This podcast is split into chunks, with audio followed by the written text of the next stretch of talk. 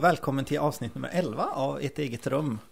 Äntligen har vi realiserat vår dröm som vi nästan sa i första podden. Jag tror att det var första Det podden. var i första podden. Eller andra. Eller andra. Nu är vi äntligen i, nu kör vi äntligen slottspodd här. Yes. Och vi befinner oss på Tjolöholms slott. Jag vet inte varför men jag har en sån här konstig besatthet av det här slottet. Jag har ju varit här kanske, alltså jag har nog varit här tio gånger eller någonting. Oj, Ja, det är skitmycket. eller ja, det kan säkert vara mer också. Jag har bara gått den guidade turen en gång. Men jag har varit utanför här både när det har varit öppet och när det har varit stängt. Ja, för det var verkligen typ bara, ja ah, men det finns några andra toaletter där nere. Man bara, bra koll. Och sen kunde jag annat också, jag visste inte bara var toaletterna var. jo, det var bara det. ja, det är i alla fall skitfint här. Vi har fått en guidad tur.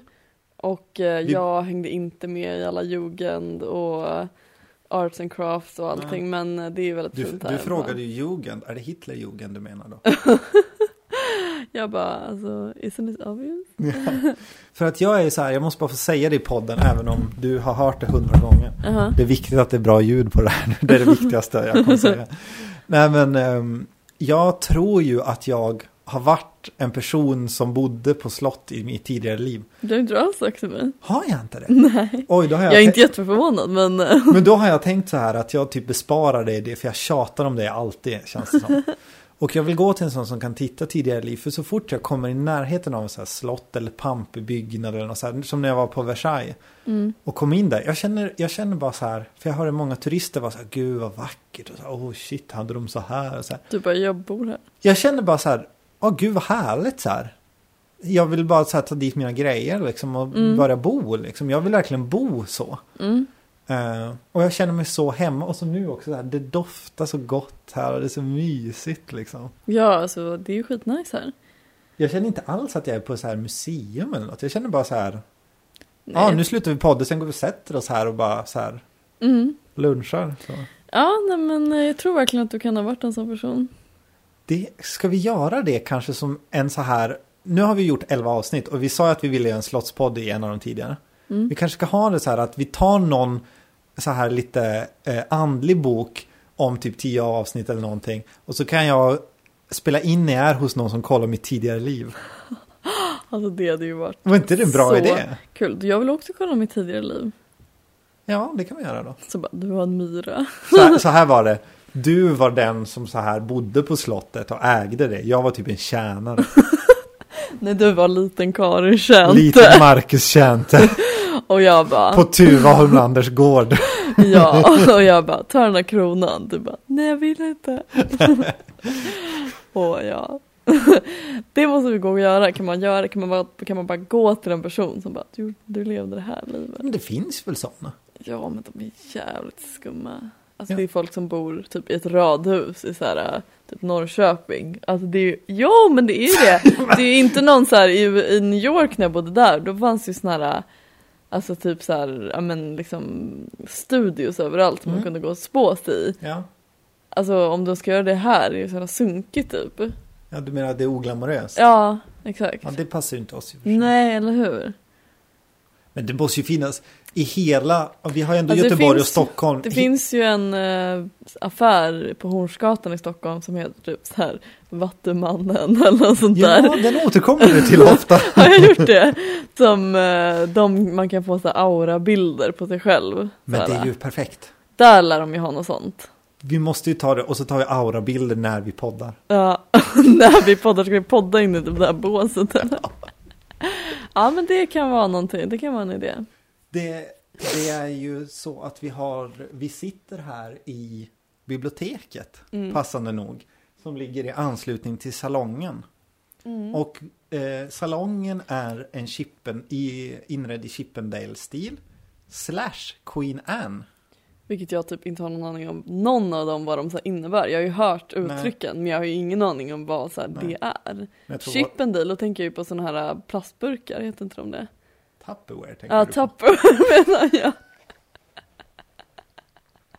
Okej, vi går vidare från det.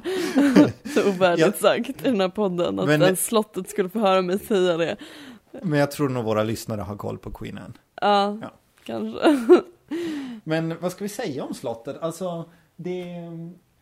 det är ganska mörkt. Det är ju inte alls det här ljusa fräscha liksom som man har nu. Utan det är väldigt liksom genuina så här träpaneler i så här solida träslag. Ja men också väldigt inbyggt, alltså att det inte så här man bygger en Alltså ett rum och så ställer man in möbler Nej. utan möblerna är ju byggda Exakt. som väggarna, alltså ja vad det heter men liksom Ja, platsbyggda. Ja exakt.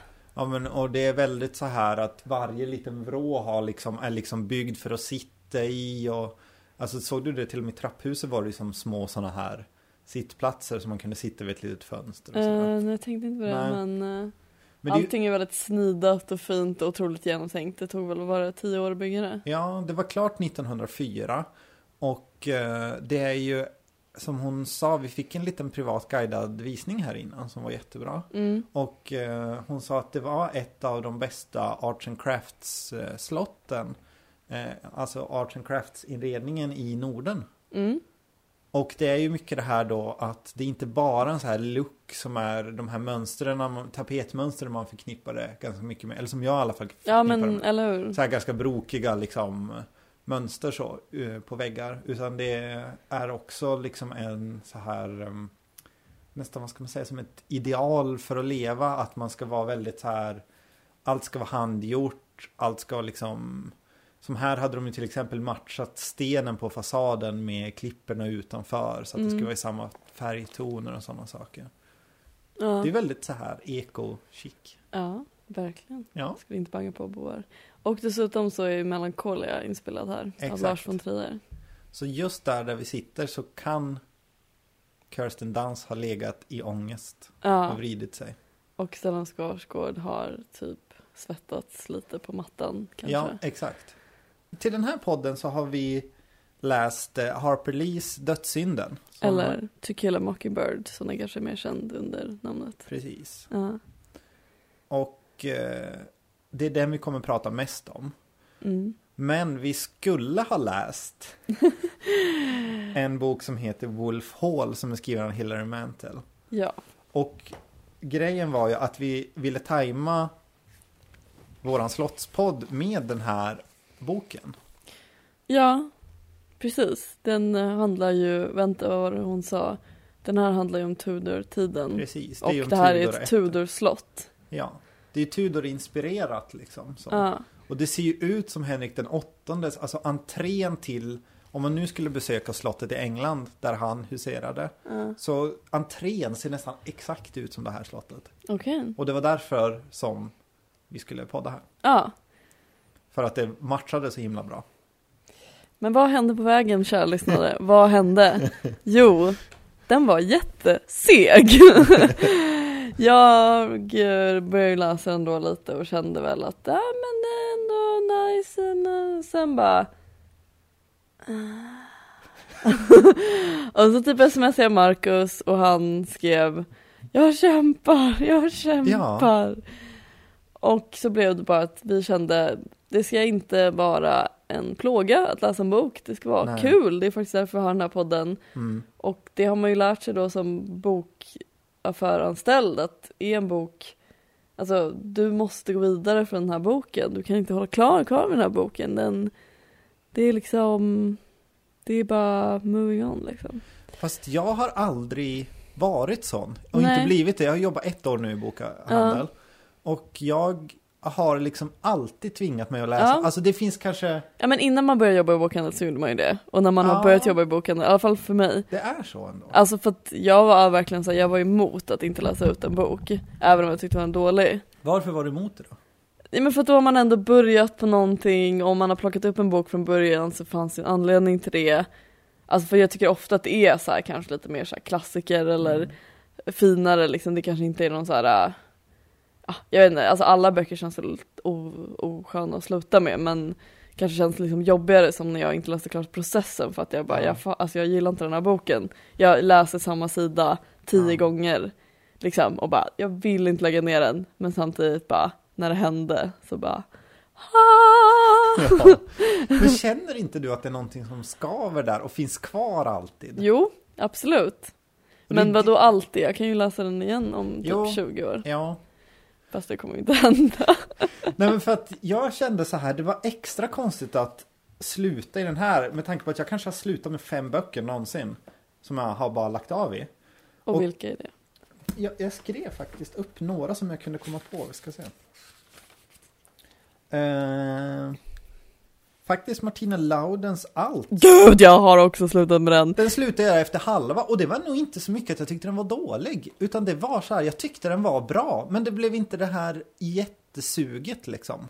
Ja, jag har ju också försökt läsa den. Och jag, känner, jag skrev också upp den som en av mina. Som jag bara, alltså, fast jag kan ju inte säga att jag tyckte den var speciellt bra. Nej. Alltså jag, jag typ så här, vissa grejer var väldigt briljanta men it goes on för 600 sidor och det är ju bara blaha enligt mig. Liksom, det är väldigt Ja. bara, ja, nu, nu var det ganska länge sedan jag Ja. läste den men det är så här, satt och stickade så bara ett, tre, sju, nio, satt och stickade. 54! Alltså man bara, okej jag har läst ganska mycket poesi men det här är ju, Ja. ja. Sen har jag också, jag kan dra den bara snabbt. När Oskulder kysser av Per Hagman var en sån jag la ner på typ andra sidan. För att det var något så här äckligt. Att han satt och bet, hur personen satt och bet på sitt nagelband så här. Men det är väl din favoritbok? Eh, Ja, det är en av mina favoriter. Ja, men du la ner den först. Ja, jag la ner den och sen några år efter eh, så var jag så här. Nej men jag vill ändå läsa den liksom. Ja, ja. Och då läste jag klart och älskade den. Mm. Sen så började jag en gång att läsa På spaning efter en tid som flytt i en bastu.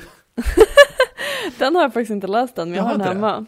Nej, och då var jag så här bara, jag blev så jävla yr och det var nog för bastun, men jag förknippade liksom det med boken så här så att Mhm. det blev aldrig av att jag läste klart den. Nej, men det... Jag kanske läste så här 40 sidor eller någonting på den. Ja. Sen var det en bok som är en, nästan en sån upplevelse, det var när jag var med i den här lyssnarjuryn. Och då skulle vi läsa Ola Larsmos Förrådd tror jag den heter. Mhm. Och då var jag ju tvungen att läsa klart den. Och den var så dålig. Och den var så här, Var Alltså- lång. den var lång och det var bara så här liksom Den skulle handla om spioner och sånt där men det var bara att de var i en lång korridor. Det var som typ The Office fast med spioner och utan humor liksom. Okej. Och alla så här tidstypiska uttryck som typ varje gång de ringde i telefonen så sen när de skulle lägga på så var det så här Han ringde av. För det hette så. Mhm. Och det var så här jag bara störde mig på allt, allt, allt och den var så här jättelång och jag tänkte så här den här ska jag såga så himla hårt sen. Mhm. Jag sågade den ganska mycket sen i programmet. Mm. Men det sjuka är att fast jag plågade mig igenom varje sida så har jag gått och tänkt på den jättemycket Mm. efteråt. Mm. Och det var så jag var rädd att den här skulle vara om jag la ner den. Därför att den har ju fått så otroligt mycket priser. Mm. Den har ju fått liksom Booker-priset, alla har hyllat den. Mm. Uppföljaren fick också Booker-priset. Priset. Mm. Priset. Priset. ja. ja, verkligen. Alltså, men det är intressant för du har ju bara lagt ner böcker som du, alltså du har ju inte ens lagt ner dem, du har inte ens tyckt de var dåliga. Nej. Alltså det är ju ganska konstigt, hur har du inte läst några dåliga böcker i ditt liv? Jo men jag har det, men Men du bara läser jag har klart ändå dem. läst klart dem för jag har känt så här att För det känns som att de du har lagt ner har du inte ens typ ogillat. Du bara, äh, jag satt i en bastu typ. ja, Eller såhär, Ja, ja. Det vore ju mer logiskt om du bara, den här är vidrig. Nej, och la det har den. framförallt varit att de är så himla tjocka och jag läser så långsamt och då har jag blivit så sugen på något annat.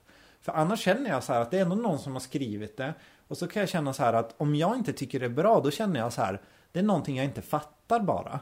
Och då vill jag försöka förstå det och då känner jag att då måste jag läsa klart den för att kunna förstå det. Ja.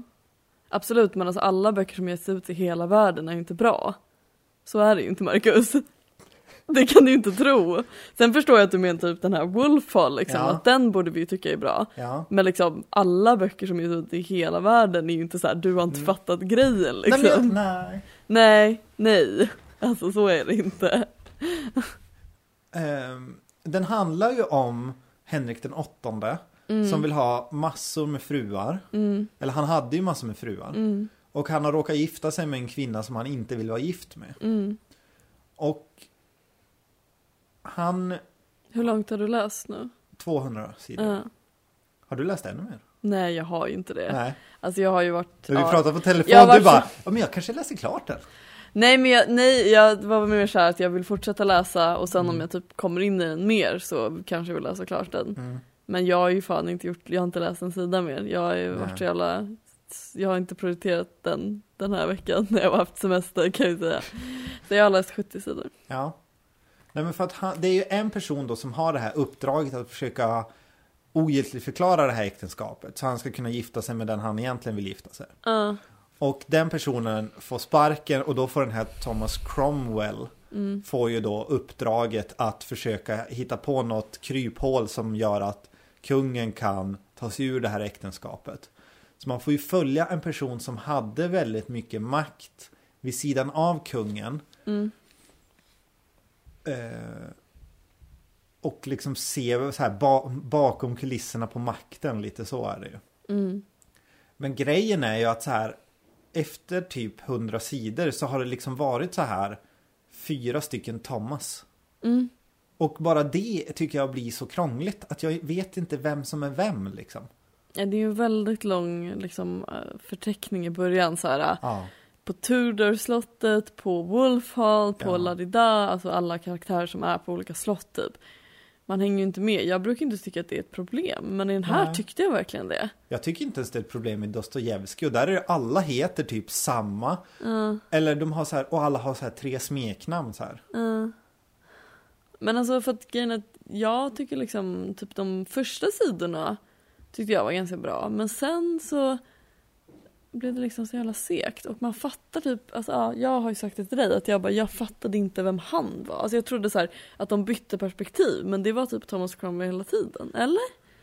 Nej, det är det jag inte hänger Nej. med i heller. Nej, för att jag bara så här, är det Thomas Cromwell som är han? För att nu är det en helt annan karaktär som talar till mig i alla fall. Jag Ja. uppfattar det som att det är någon annan.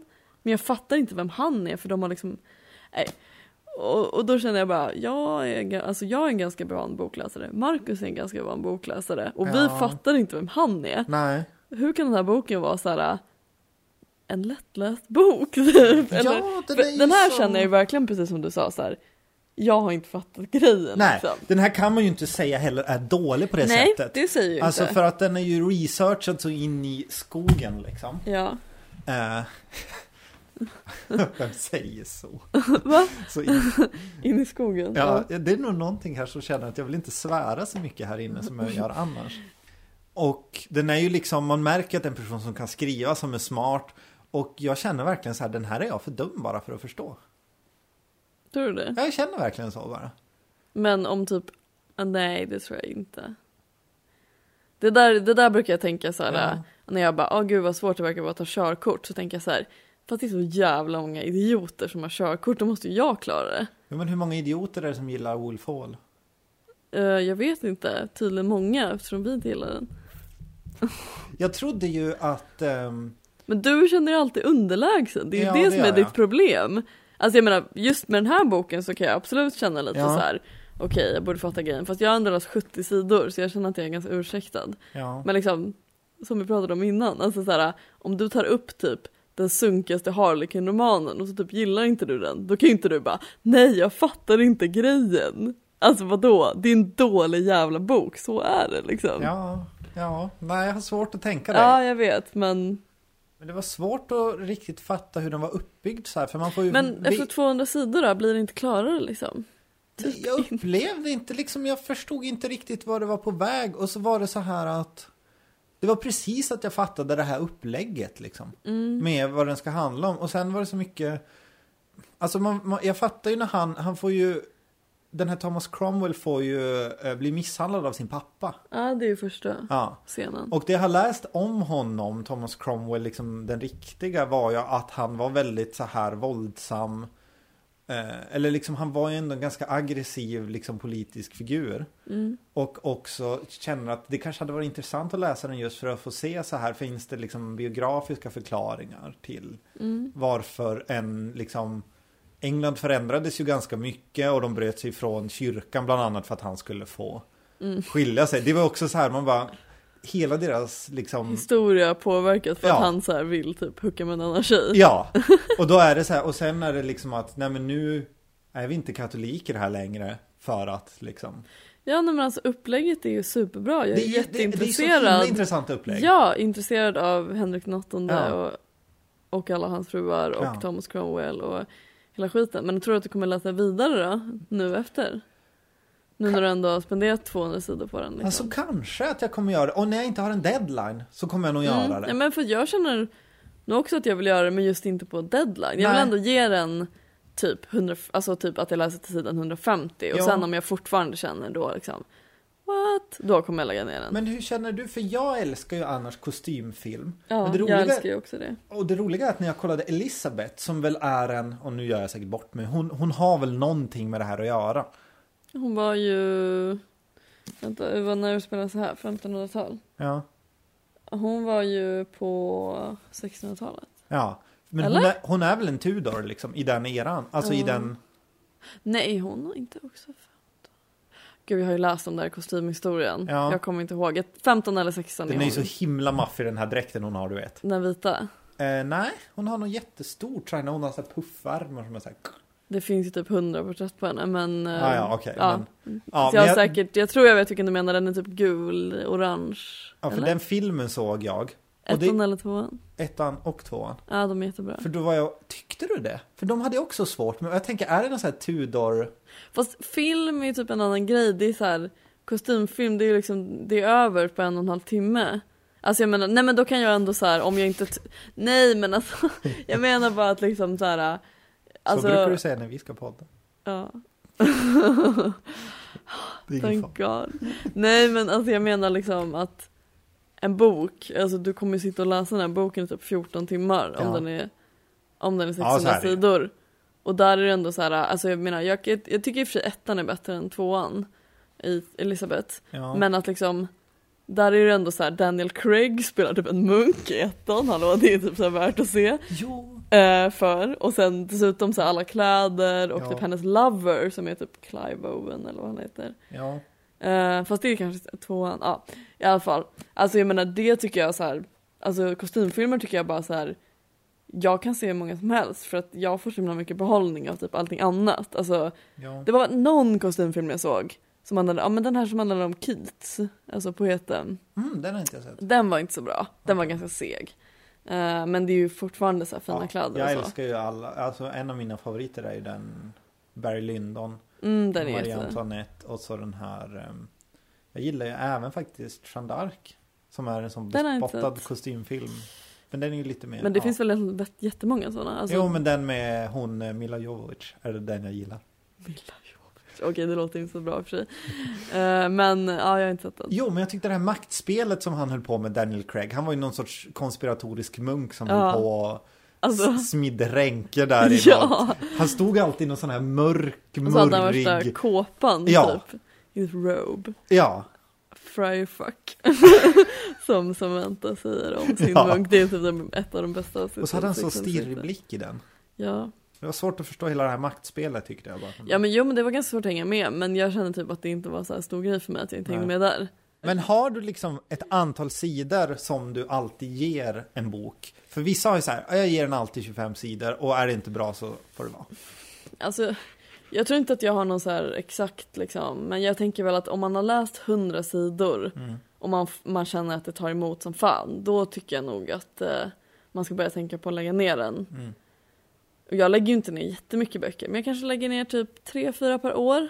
Mm. Alltså, det tycker jag är ganska bra. Eller så här, jag tycker bara, det finns för många böcker jag vill läsa i den här världen och mitt liv var för kort för att läsa en massa dåliga böcker som jag typ, den blir liggande, man börjar läsa en massa andra parallellt och så liksom tar man upp den och så bara, nej men nu ska jag verkligen, så läser man fem sidor och så bara, äh, det var bättre att lägga ner skiten. Alltså min kompis eh, som jag bor med, hon försökte ju läsa Herman Hesse, Glaspallespelet, Ah. som by the way är min pappas favoritbok. Jaha.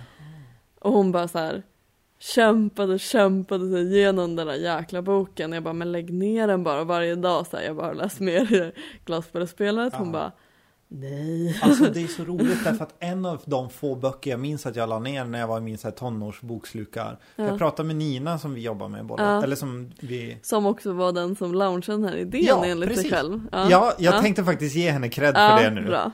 Ja, ja nej men eh, Nina var ju den som föreslog att vi faktiskt kunde prata om varför Mm. lägger man ner en bok, varför tvingar man sig att fortsätta, alla Ja. sådana här saker. Och vilka böcker och hur mycket. Ja, nej, Ja, precis. så all cred till Nina, för det, då kände jag så här, okej, då finns det en mening med att vi slutar med det liksom. Mm. För jag hade ett terapisamtal med henne på jobbet om det här. Hon var väldigt stöttande, så tack till Nina. Ja, Och eh, Herman Hesses Steppvargen är faktiskt en av sådana här pretto-böcker som jag faktiskt har avslutat. Ja, Och det är lite roligt för det blir som en övergång till vår nästa bok. ja. Sen, för att jag avslutade den när han använde ordet neger om en person. Och han använde det Vadå, liksom... du, av, du sa väl att du avslut, att du läste klart den? Nej, jag Nej. avslutade den. Jag la ner den. Ja, du la ner den, Ja. okej. Ja. För att han använde det ordet och jag kände bara så här, jag vill inte läsa någon gammal så här, gubbe som sitter och så här, kallar folk för neger. Så jag bara slutade precis på det ordet liksom. Sådär. Ja, ja, det kunde du inte göra i den här boken för den hade vi som poddbok. Nej, det hade verkligen inte. För det är ju inte Och den handlar ju väldigt mycket om det. Men jag tänkte fråga så här, är du så här nördig med typ, för mycket känns det som att folk har sådana här fetischer kring läsandet, till exempel så här första meningar. Är du väldigt mycket så när det gäller när man börjar på en bok, sätter det igång redan där för dig att det är för vissa samlar på så här första meningen. Åh vilken Ja, snygg första mening. Och på jo, skriva kurser Det är väl där, jättefint liksom, men det är inget jag tänker speciellt på. Men eh, min, nu kan- kommer jag inte ihåg exakt vad den är, men min favorit första mening är ju Knausgård Jaha, vad är det då? Men jag kommer inte ihåg hur den är, men den är väldigt, väldigt, väldigt bra. Den handlar om eh, alltså hjärtat på en människa, hur det slår typ så här. Jätte, det låter jättepretto när jag säger det, men alltså den första meningen, då är det verkligen, eller Går ja. den in i själva hjärtat, anatomin och sådär? Ja men typ, alltså så här, när, man, när jag läste den jag bara åh, åh, jag kommer gilla den här boken. Alltså så. Men annars brukar jag inte tänka så mycket på det. Eh, Det är snarare typ slutmening känns Okej. kanske viktigare. Jag vet inte. Men, jag, men man måste prata om, förutom första mening, Mm. Alltså kan folk sluta skriva förord?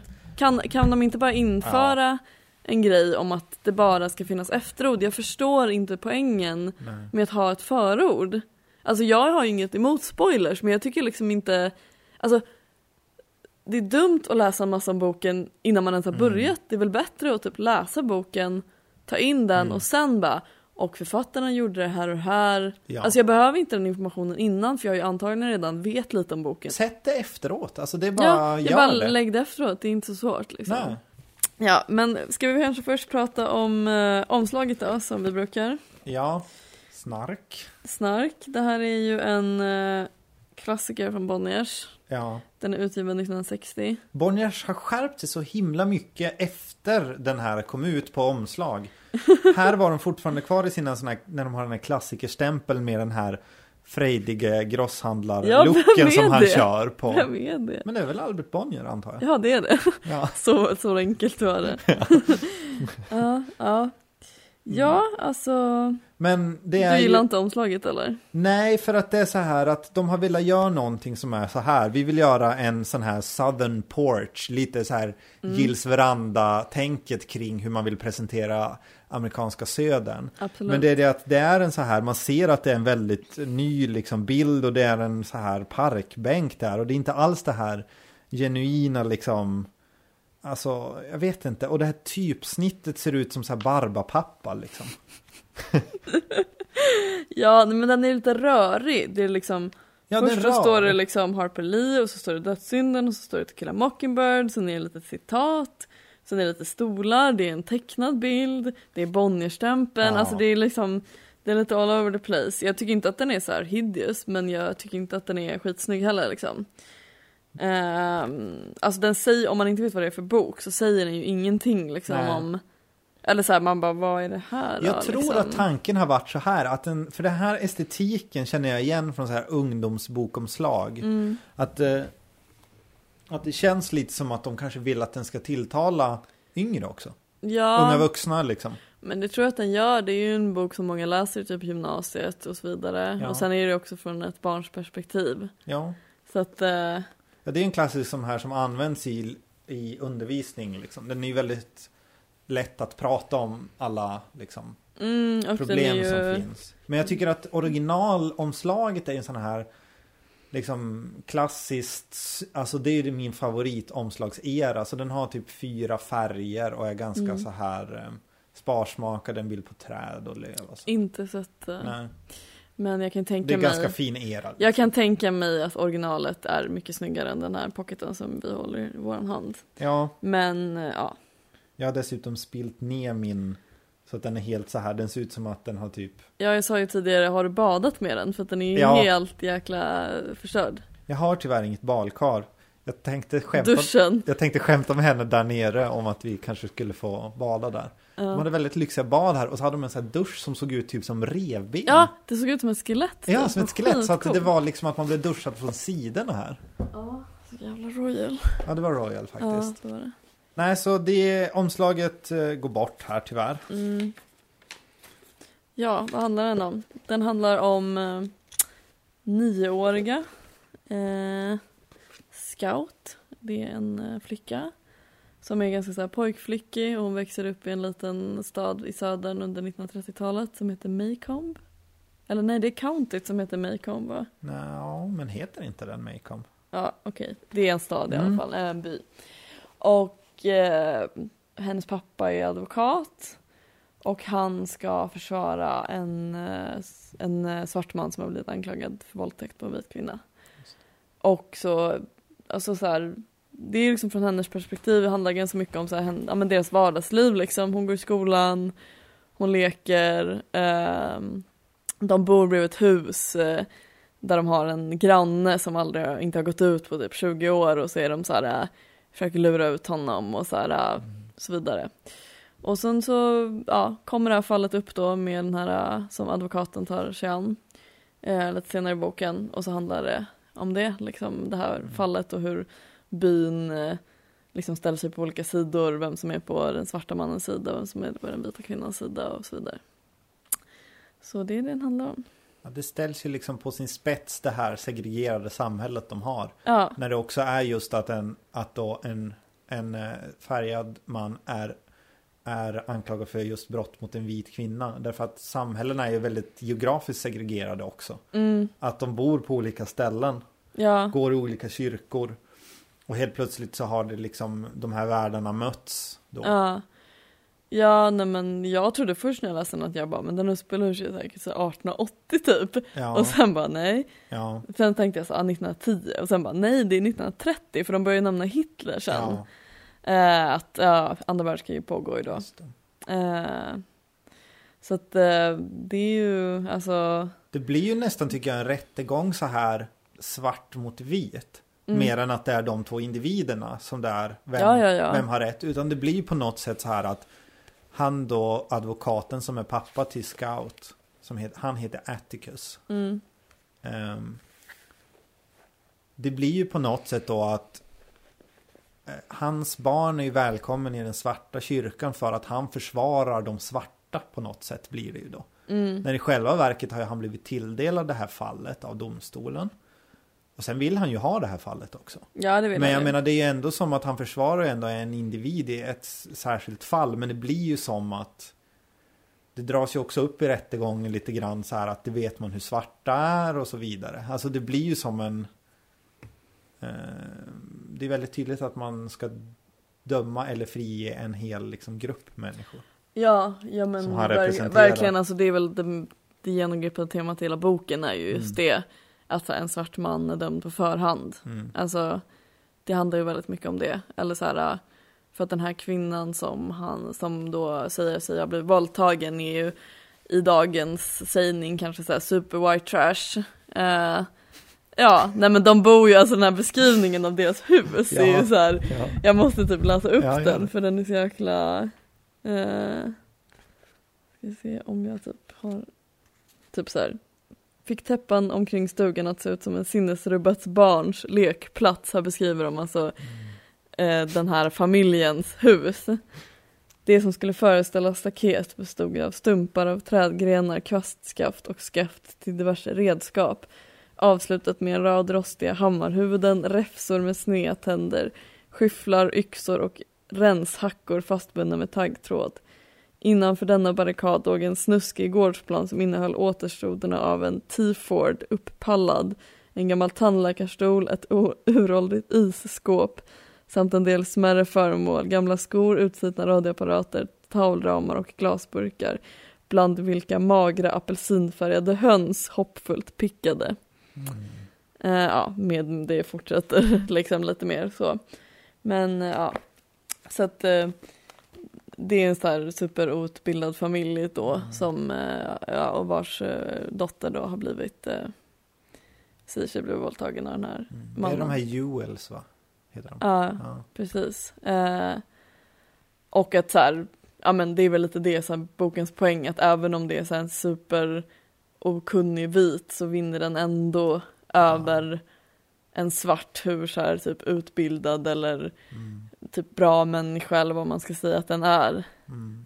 Sen kan man ju verkligen tycka att de här Joels inte, alltså de är ju väldigt så här speciellt porträtterade kan man ju säga. Ja. De är ju verkligen porträtterade som, ja, typ jordens avskum liksom. Ja. Ehm, men ja, och de pratar ju mycket om det i, bo, alltså i boken, inte eh, liksom den här familjen, scoutsfamiljen, så att de, de är alltså så här, de kan, man kan aldrig ändra sådana människor, de kommer alltid vara så. Det finns vissa män, det finns, typ, det finns vissa white trash människor som, som har ändå en pride och så finns det vissa som inte har det och det är de här Juels då, Mm. som bara är så här super trash typ. ja, och det är också lite sånt här snack, typ så här, ja men så är vissa människor här nere i södern. Ja, eller så här, det finns fyra, det säger ju hennes eh, scoutsbror Jem, så här, det finns fyra typer av människor här i södern. Vad fan var det han sa typ? De vanliga människorna vi, Ja, just det. eh, de svarta människorna, Ja, de som är eh, alltså mixed liksom. Svarta och vita och typ white trash människorna. Ja. fritt, över, fritt tolkat Fritt av, tu, översatt. av Tuva. Ja, exakt. Men något som jag tänker är så här, alltså det här var ju sån himla liksom lättläst bok efter man hade hållit på med Wolf Hall liksom Mm. och kämpat. Och eh, jag var väldigt så här okritisk eh, tills efter jag hade läst klart den för jag tyckte den var så bra liksom. Mm. Men om man säger karaktärerna är ju ganska så här endimensionella på det sättet att den här mannen som blir anklagad för våldtäkt Mm. han är ju så övergod beskrivs han ju som. Ja, Att han har bara velat hjälpa, han har inte ens velat ha en liksom nickel för att hjälpa till när han då ska ha hjälpt henne med någonting. Att hugga sönder någon byrå eller vad det är. ja, Som han säger att det var därför jag var på den platsen överhuvudtaget liksom. Och att han har ju bara varit så här genomgod människa som har typ, hans arm har gått av när han i någon sorts bomullsmaskin ja, eller någonting. ja, Och han den här Atticus som är advokaten då, försvarsadvokaten, som är också pappa till Scout. Han är ju sån övermänniska när det gäller att vända andra kinden till hela tiden. Så, ja, ja. så han, är ju, han har ju sånt världssamvete sådär att man liksom, man ska aldrig hata någon, inte ens de som typ, inte ens den här kvinnan som typ står och skriker efter de här små barnen när de ska gå till skolan. ja Då är han så här bara, men hon har det svårt, hon är lite sjuk så nu får ni gå hit och läsa för henne varje kväll. Liksom. Ja. Jo men så är ju absolut karaktärerna är ju så. Eh, men jag tycker typ att det känns som att det, alltså för det första så är den här från sek- 1960 liksom. Mm.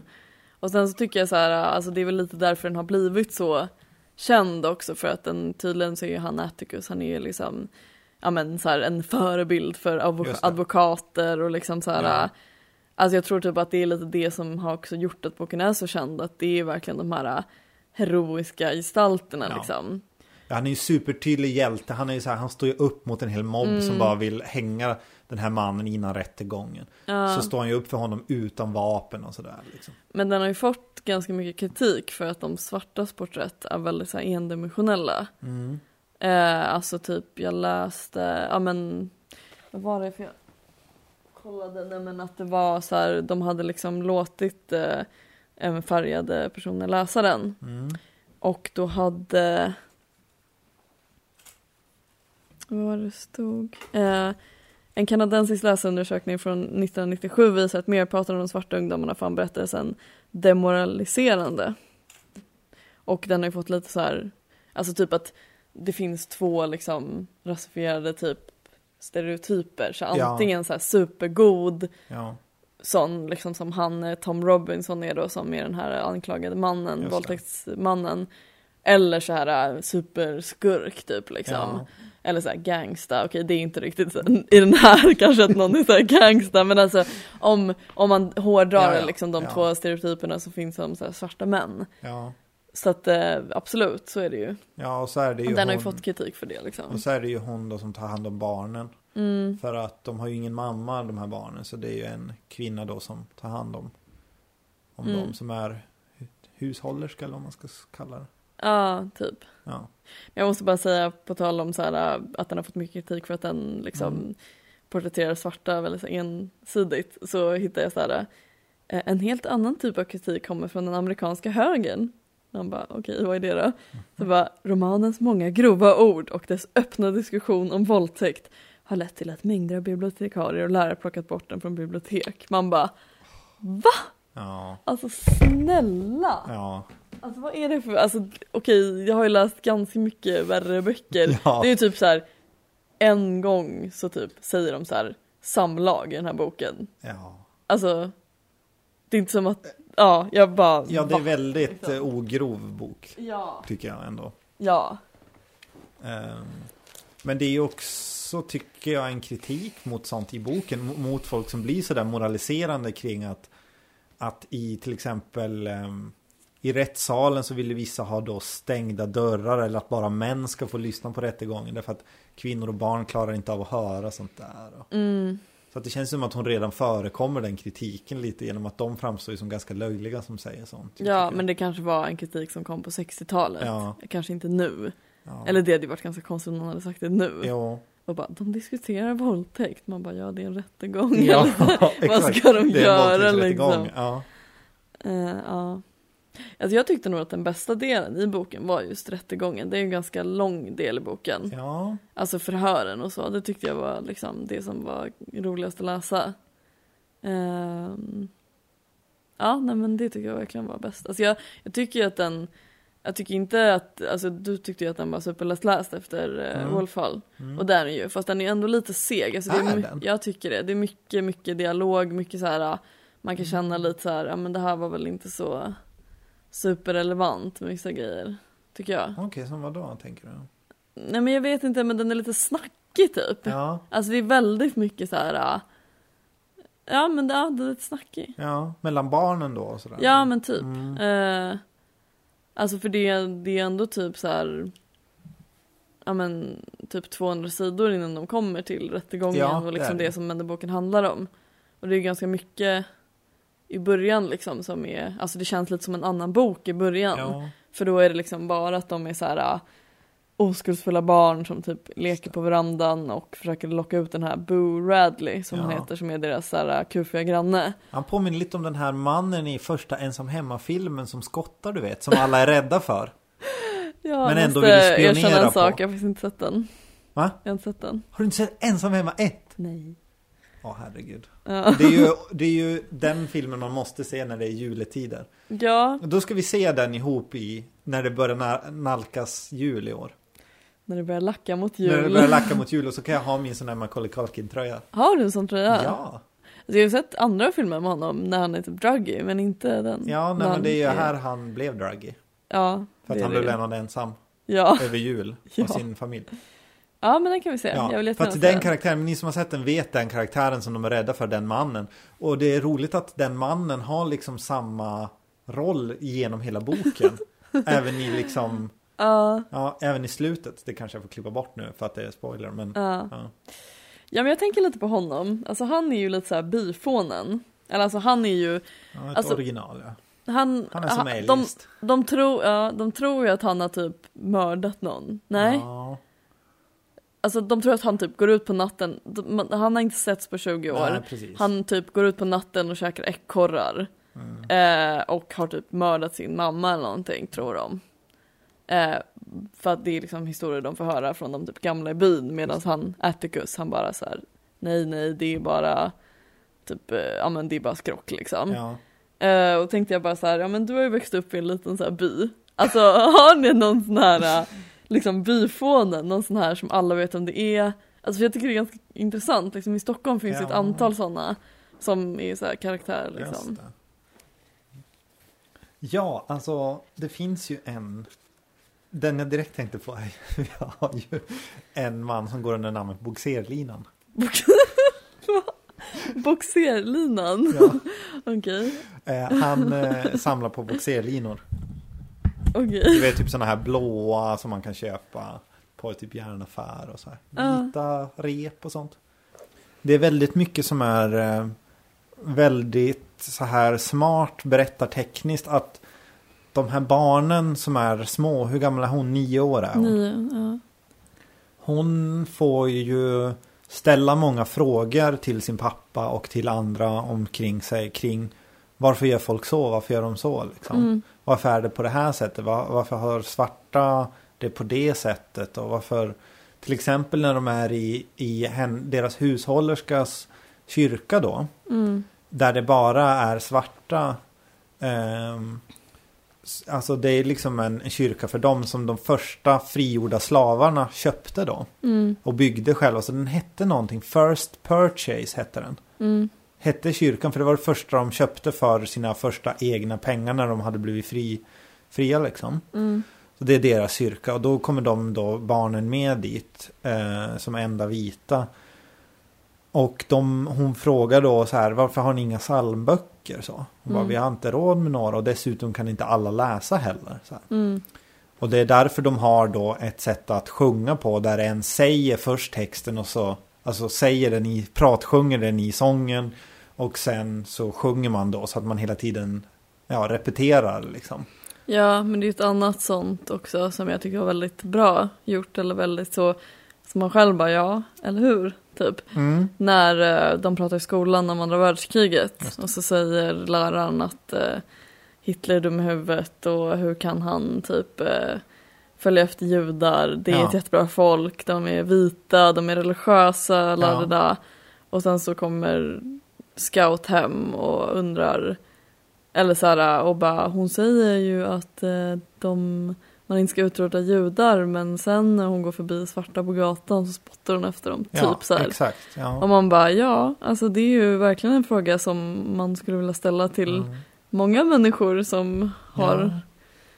konstiga åsikter liksom. Och det, Ja men det är bra, det är ju smart då att ha ett barn för då, kan då går det att ha de här övertydliga små passusarna liksom. ja, Och insikterna, för det är ju också mycket att så här eh, berättelse om att Atticus här är då en man som eh, uppfostrar barnen och får ju ständigt höra liksom så här att han misslyckas med att uppfostra huvudpersonen Scout då mm, till en riktig dam, en riktig kvinna. För att hon vill ju vara helt, hon vill ju vara som sin storebror. Mm, Och hon vill ju liksom inte göra tjejiga saker. Hon tycker ju att flickig är liksom ett skällsord. För hon vill inte ha klänningar för då kan man inte göra alla grejer och så vidare. mm, Och liksom samhället menar ju att om det finns någonting du inte kan göra i klänning så är det inte tänkt att du som kvinna ska göra det heller. nej precis. Alltså det är ju själva, det är ju liksom en underberättelse hela tiden det här med att hon inte får vara som hon vill. Hon måste börja bli dam liksom. Ja, och det är alltså man tycker verkligen om Scout Mm. som eh, berättare liksom. Jag tror att alla, alltså man verkligen gillar, och man tycker om hennes person och jag, det är ju någon, ja men i ganska början i boken där hon ska besöka sin kusin Mm. som är typ det vidrigaste lilla barnet Ja, någonsin. Ja. Någon sån här skit, eh, ja men så här, vad heter det, lillgammal. Eh, Just den jäveln. jag tror Ja. att, ja men, jag tror att jag har skrivit här på sidan 86 har jag, 89, alltså vilket vidrigt barn har jag skrivit. Eh, en riktig sån här, eh, som man också känner igen från sin egen barndom. Så här som verkligen så här slickar röv inför föräldrarna Ja. och sen så fort de kollar förbi så typ mimar den så här jävla hora. Okej Ja. kanske inte riktigt jävla hora men, Nej, typ åt det hållet. så här Ja. och man bara "Ah." Ja, och det är ju så roligt för att hennes instinkt är hela tiden bara, ja men jag nitar honom nu då. Och det Ja. gör hon ju. Det är ju så bra. Hon slår ner folk. Hon är bara så här, när någon typ har sagt någonting illa om hennes pappa, då säger ju hon typ så här bara, ja han kommer inte komma till skolan eh, fler gånger än den första dagen typ. Mm. Det ska jag se till. Så hon är ju väldigt hård så här. Hon är ju typ så här. Det är ju inte bara att hon ska typ brotta omkull han eller göra något så här. Utan hon, hon säger typ så här. Jag ska slå in ansikte på honom. Ja. ja men hon är ganska skön, man gillar henne. Eh, verkligen. Eh, men hon är ju lite så här översmart, alltså eller liksom Ja. Jag tycker verkligen det funkar men Ja. hon är ju väldigt så, alltså för att eh, Det har ju också boken fått kritik för, för att hon Alltså för att det inte är realistiskt att Mhm. hon ska vara så jävla artik- Mm. alltså artikulerande och smart liksom När hon är nio år Ja. liksom Och det stämmer väl egentligen men det tycker inte jag är någonting man tänker på liksom. Nej, man får ju ändå, jag tycker ändå det känns som att den berättas av en senare scout liksom. Ja men vissa grejer är ju så här, det förstod jag först senare Ja. att pappa ville att jag skulle höra det här Precis. samtalet. Så det är ju Alltså hon har ju, det är ändå inte, man låtsas ju inte att det bara är det perspektivet liksom. Utan hon, hon slänger ju in ändå sådana saker. Mm. Som, har kommit, som hon har kommit till insikt om liksom. Tycker den här boken känns aktuell? Eh, ja, det gör den ju väldigt mycket. Alltså jag tycker den känns aktuell men jag tycker också att den känns ganska Alltså jag tycker verkligen att det är kul att läsa om det men jag tycker verkligen att det är en sån här värld jag har jättesvårt att relatera till. Den här lilla byn, Mm. liksom alla känner alla, alltså man har ju, alltså det känns verkligen som att så här, jag har sett den här världen på tv, jag har sett den på film, jag har läst om den. Mm.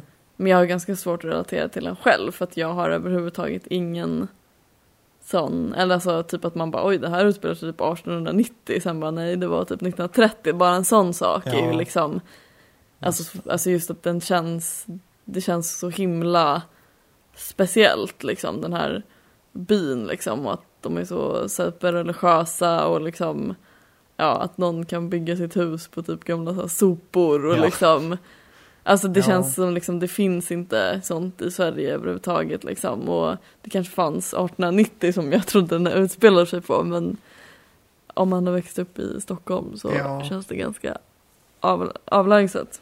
Rättegången kom ju ganska sent. Och Atticus vet ju liksom att hans barn kommer bli utsatta för väldigt mycket. Mm. Glåpord och nya liksom perspektiv och tankar också väldigt mycket. Så. Mm. Och han hoppas ju liksom att de inte ska vända sig emot då. Alltså att de ska inte köpa den här bilden som samhället kommer presentera för dem. Mm, men det gör de inte heller. De gör ju inte det. Men han är ju rädd, han är lika rädd för det som han är rädd att de ska bli utsatta för mobbing. Liksom. Mm, Och det är ganska fint tyckte jag. det är jättefint. Det här är liksom våldtäktsrättegången, det är ju liksom ett annat perspektiv också Ja. lite. Att det faktiskt är en här kvinna som har blivit våldtagen. Ja, Och så här, ja men liksom, alltså typ att det är liksom att, att kvinnan är också, Mm. alltså inte bara att det är så svarta, liksom som är, ja men inte jämställda med vita utan att kvinnan inte är jämställd mannen. Alltså det.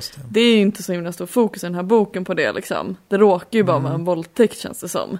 Alltså det kunde varit något, det kunde varit mord också liksom. Mm. Eh, men att så här, alltså den här tjejen då, eller kvinnan som säger sig ha blivit våldtagen, alltså hon framställs ju som ett jävla kräk liksom. Eh, och det är hon väl också. Men eh, att så här, jag tror att om den här boken hade skrivits idag så hade den fått nog ganska mycket, alltså lite kanske lite kritik för det, eller jag vet inte, alltså för det är så himla Mm. mycket laddat på ett annat sätt nu, alltså typ med, ja men just med så här, med våldtäkt liksom, att det är Ja, alltså det är väldigt mycket så här, ja, han är anklagad för någonting som han inte har gjort. Mm. Eh, att det är väl, alltså det är nästan bara fokus på rasfrågan, det är inte fokus någonting på... Fast jag tycker ändå att den, det hade, jag tycker så här att det, det är så här perfekt det, att det är just det brottet som det gäller. Därför att förklaringen man får till varför hon då, om det nu är så felaktigt anklagat honom, Mm. är ju för att hon har gjort ett närmare mot, närmande mot honom. Ja, precis. Och det är så att hon blir då ratad av honom. Och har blivit så här, hon har gjort liksom, hon har varit attraherad av en svart man så här. Mm. Det är så skamligt att hon måste anklaga honom för våldtäkt. Ja, Mm. så på är det sättet så är det ju liksom. ändå lite det här att hon äger ju inte sin liksom, sexualitet överhuvudtaget på det sättet. Nej. Eftersom hon måste komma med det. Alltså hon är beredd att offra en annan därför att hon kommer bli så stigmatiserad av det. Och för att hon typ antyder också att hennes pappa typ våldtar henne. Ja, exakt. Eh, Eh, och liksom att det hade det varit bara så att hon blev misshandlad av en, då hade det ju varit som en helt annan grej, tänker ja, jag. ja, men det hade det varit, sättet. absolut. Men just, eh, alltså, För där är det ändå så här att hon, alltså hade han bara sagt ja så här, då hade det ju varit helt fine. Då hade de kanske haft en affär liksom eller någonting där. I ja. hemlighet. Nej men för hon är ju verkligen ett offer också. Ja. Alltså, men hon utmålas ju inte som det. Nej, hon, hon mycket. utmålas Det var väl inte det som jag menade. Ja, exakt. Ja. Det var det jag menade. Alltså för att hon är ett offer för sin pappa då. ja. Eh, så, så liksom, och det är inte så stor fokus på det Nej. i den här boken. Och det är ju inte som att det är så här Så, men jag tänker att om den var skriven idag så kanske Ja. det hade varit mer fokus på att hon Ja, ja. också var ett offer. Och Just den här. Tom Robinson som är liksom. Men ska vi prata lite om det här som du sa i början om att de, de använder ju, eller författarna använder ju ordet neger liksom för att beskriva. ja där är det ju så här. Alltså att i den här boken är logiken så här. Nigger är skällsordet. Det det. dåliga. Och neger är liksom det vanliga. Det som Ja, vi just det. idag säger kanske svart, färgad, rasifierad. Ja. Alltså att det är så den liksom glidningen på ord som det är där. Mm. Alltså det, jag tänkte att, liksom, att använda ordet neger är ju lite som så här, i Harry Potter, så här, du vet vem, så här, Vold, alltså Voldemort liksom. Att de så här, kan inte nämna hans namn. Alltså Ja. det är lite så man känner när man läser det här. Mm. Att man är så här, oj nu är det där ordet igen, typ. Mm. Oj Ja. oj, så här, vad, ska jag tycka något om det eller, eller ska jag bara tänka så här, nej men det är en bok skriven på 60-talet, de, Mm. det användes då. Eller ska man så här då kanske modernisera den nu för att det heter inte så nu, man säger inte det liksom. Mm. Eh, jag vet inte. Modernisera kan man ju inte göra tycker jag. Nej, Du tycker inte det? Nej, det är omöjligt tycker jag. Ja. Därför att då, då blir det så här. Vad... Så bara, han var rasifierad. Ja, men då Han blir... är verkligen ras den rasifierade byn där nere. Jo, men för det blir så här, då kan man aldrig förstå så här vad Nej. den skrevs i för tid. Liksom. Nej, nej. För då du- blir det så mycket annat också. Men jag förstår vad du menar. Det blir ett problem för den. Och det är ju ett, liksom ett problem också att hur ska man prata om det här nu? Alltså man måste, när man pratar om den här boken måste man ju också dela upp liksom. Vem är svart och vem är vit? För det är ju Ja, ja, jättemycket det som, Det är ju det den handlar om. som skil, liksom. Alltså det är ju utifrån det som de här människorna kan förstås. För att det är det, den, liksom, det temat den har. Så. Absolut. Men eh, jag kollade ju upp det här med titeln. Och sen tror jag att jag glömde bort det. Men jag kan ju faktiskt googla det. Jaha, men jag har Ja, men lite... du har. Ja men vad bra. Ja, vad vill du säga om titeln? Ja men det var väl någon sån här fågel som flög iväg och det var något så här uttryck. Mm. Ja det där var ju väldigt smart. Ja, alltså titeln To Kill a Mockingbird. Mm. Det är ju enda gången som Atticus Finch då, den här rättrådiga advokaten, pappan till Ja. barnen som det handlar om. Han, enda gången han använder ordet synd, det är när de har fått varsitt luftgevär barnen Ja. och ska ut och skjuta och sådär. Och då säger han att ni får liksom skjuta småvilt och fåglar och så här, men ni får aldrig skjuta en mockingbird.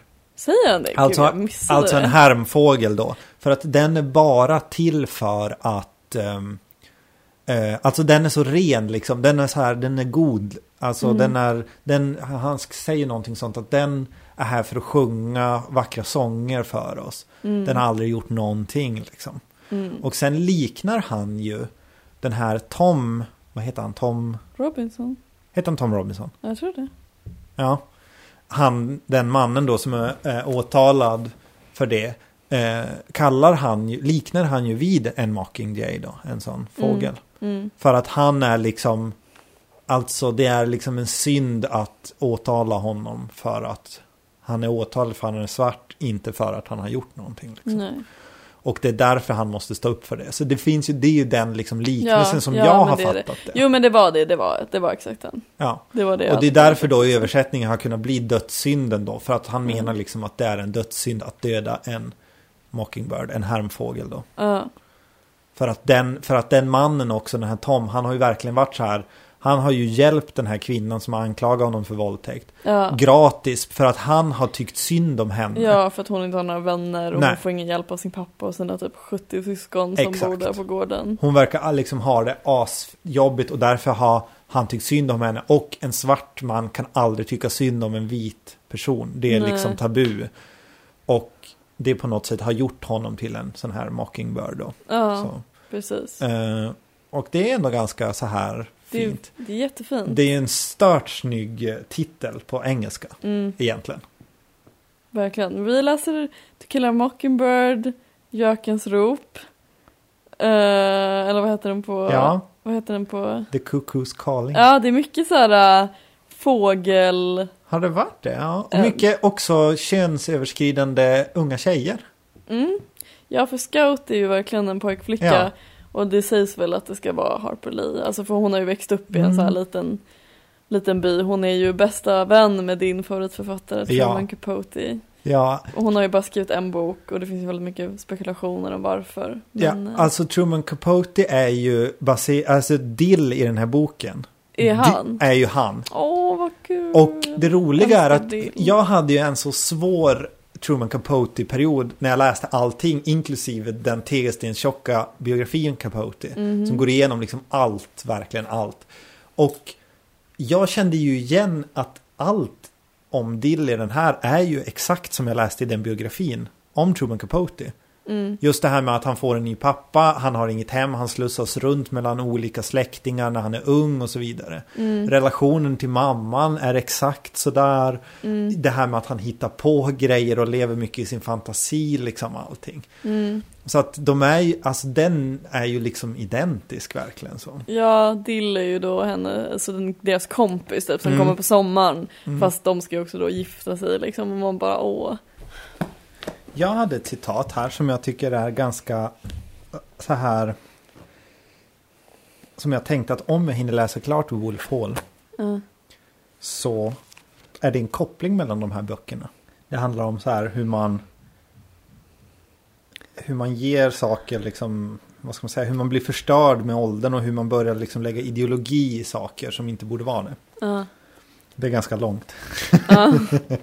Jag lutar mig Så tillbaka. sätt dig, lägg dig på schäslongen. Ja, jag vill ju det. Men jag får nog inte vara på den. Nej men nej. Alltså jag kommer inte typ göra det. Ja. Mm. Allt jag växte upp med och allt jag trodde på nöts bort lite i taget. En bit här och en bit där och sedan ytterligare en liten bit. Med varje månad som går nöts ytterligare en liten bit bort av allt man säkert vetat om denna värld. Och om den kommande också. Visa mig var ordet skärseld står i Bibeln. Visa mig var det står reliker, munkar, nunnor. Visa mig vart det står påve. Var det här Wolfhall? Det var från Wolf Hall. Ja det var det va? Mm.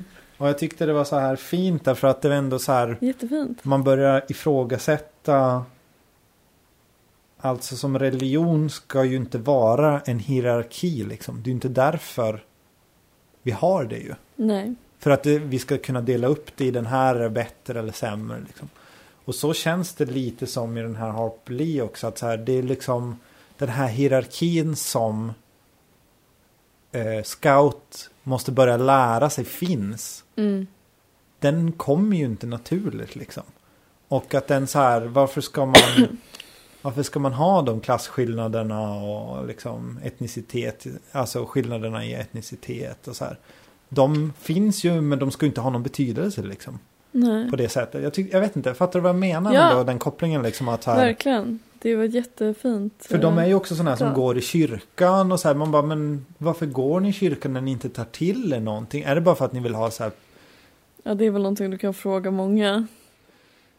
Men ska vi säga ett jättestort tack till Tjolöholm Mm. och till eh, Magdalena på Tjolöholms slott som Ja. fixade det här åt oss. Och vi har fått spela in i biblioteket här på Tjolöholms slott som är, ligger några mil söder om Göteborg Ja. och är fantastiskt. Och nu ska vi gå och äta en asgod picknick. Jag är så jävla hungrig. Det är det. Ja. Eh, I din bil för att det spöregnar utanför. Vi hade tänkt en romantisk Marie Antoinette-ish picknick i Slottsparken men Ja, tror inte att det kommer vara möjligt nu tyvärr. men halshuggningen kan vi väl fortfarande avsluta med att vi, Japp. så att det blir som i den. Ja. Yes. Efter att vi har ätit. Det- Tappa några kilo så att säga. Ja. Gud alltså. Ciao då. Hej då. Hej då. Thank you.